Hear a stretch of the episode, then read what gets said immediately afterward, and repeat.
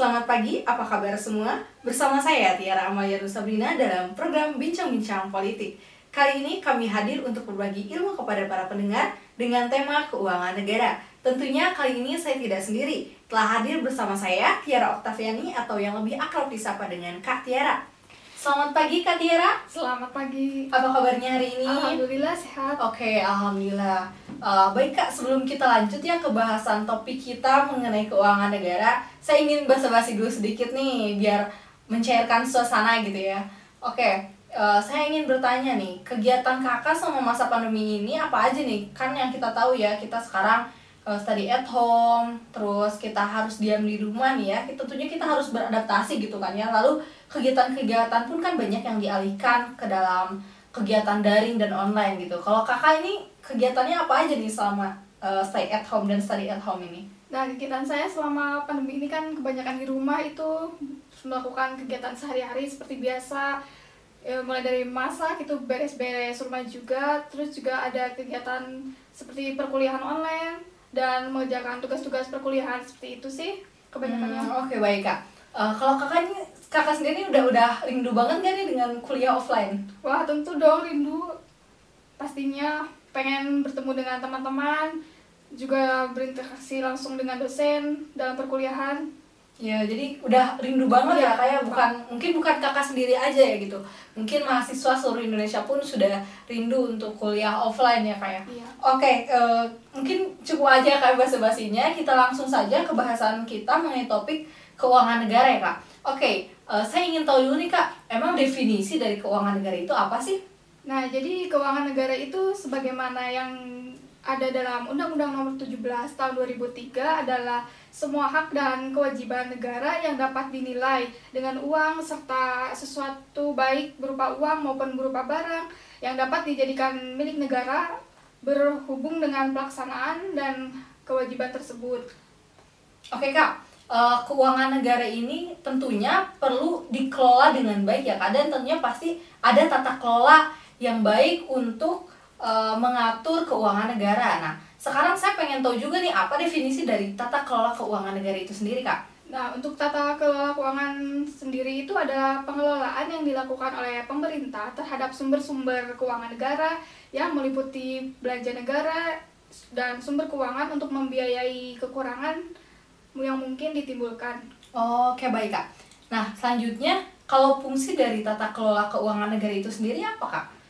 untuk fungsi uh, dari tata kelola keuangan itu sendiri sih secara umum yang pertama ada fungsi otorisasi itu negara di mana melaksanakan pendapatan belanja dan pengeluaran pada okay. tahun yang bersangkutan juga ada fungsi perencanaan uh, agar dapat mengelola keuangan dengan baik itu perlu adanya perencanaan secara matang untuk apa dan bagaimana uang itu digunakan dan untuk mencapai tujuan negara yakni memberikan kesejahteraan bagi masyarakat.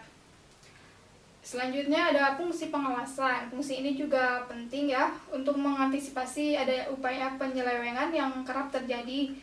Selanjutnya ada fungsi alokasi.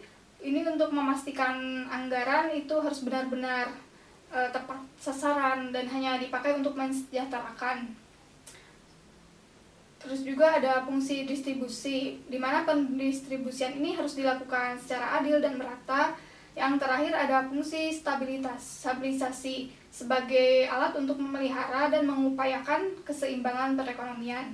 Berarti banyak sekali ya kak fungsi-fungsi dari tata kelola keuangan negara ini yang tentunya ini pasti untuk mendukung tata kelola keuangan yang baik ya kak. Nah oke sekarang pertanyaannya nih uh, terkait tata kelola keuangan di negara kita sendiri nih kak kalau menurut kakak, bagaimana kak? Apakah tata kelola keuangan negara kita sudah baik?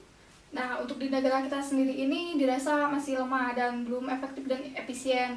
Bagaimana pengelolaannya itu belum efektif ya gitu dan efisien.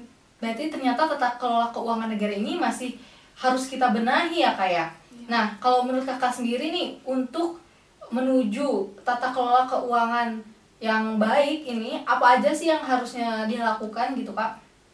menurut saya itu pengelolaan keuangan negara itu akan berjalan dengan efektif dan efisien apabila dalam perencanaan baik e, semua orang yang terlibat dalam bidang tersebut itu bertanggung jawab dalam pengelolaannya secara tugas-tugasnya juga diberikan secara bertanggung jawab dilaksanakannya gitu. Oke jadi tata kelola bisa terca tata kelola yang baik bisa tercapai ketika uh, orang-orang atau pelaku tata kelola itu bisa melaksanakan tugasnya dengan baik dan semaksimal mungkin ya kak. Sehingga tata kelola keuangan bisa berjalan dengan efektif dan efisien juga ya kak ya tentunya. Oke tidak terasa nih kak kita sudah uh, sampai ke penghujung acara uh, sudah banyak banget ilmu yang kak Tiara bagi kepada kita semua. Mulai dari tadi definisi tentang keuangan negara lalu definisi definisi tentang tata kelola keuangan negara lalu tadi dijelaskan fungsi-fungsi dari tata kelola keuangan negara lalu kondisi tata kelola keuangan negara kita dan di akhir tadi bahkan Memberikan uh, pendapatnya atau sudut pandangnya mengenai bagaimana tata kelola keuangan negara yang baik bisa dijalankan. Oke, okay, tidak terasa ya kita sudah sampai pada penghujung acara. Terima kasih kepada Kak Tiara yang sudah berkenan hadir dan berbagi ilmu kepada kita semua. Uh, semoga apa yang kakak bagi bisa bermanfaat untuk kita semua. Ya. Terima kasih Kak Tiara. Sama-sama. Oke, terima kasih juga kepada para pendengar yang sudah setia mendengarkan bincang-bincang politik kali ini. Saya harap uh, kita bisa mengambil manfaat dari bincang-bincang politik kali ini. Terima kasih, sampai jumpa.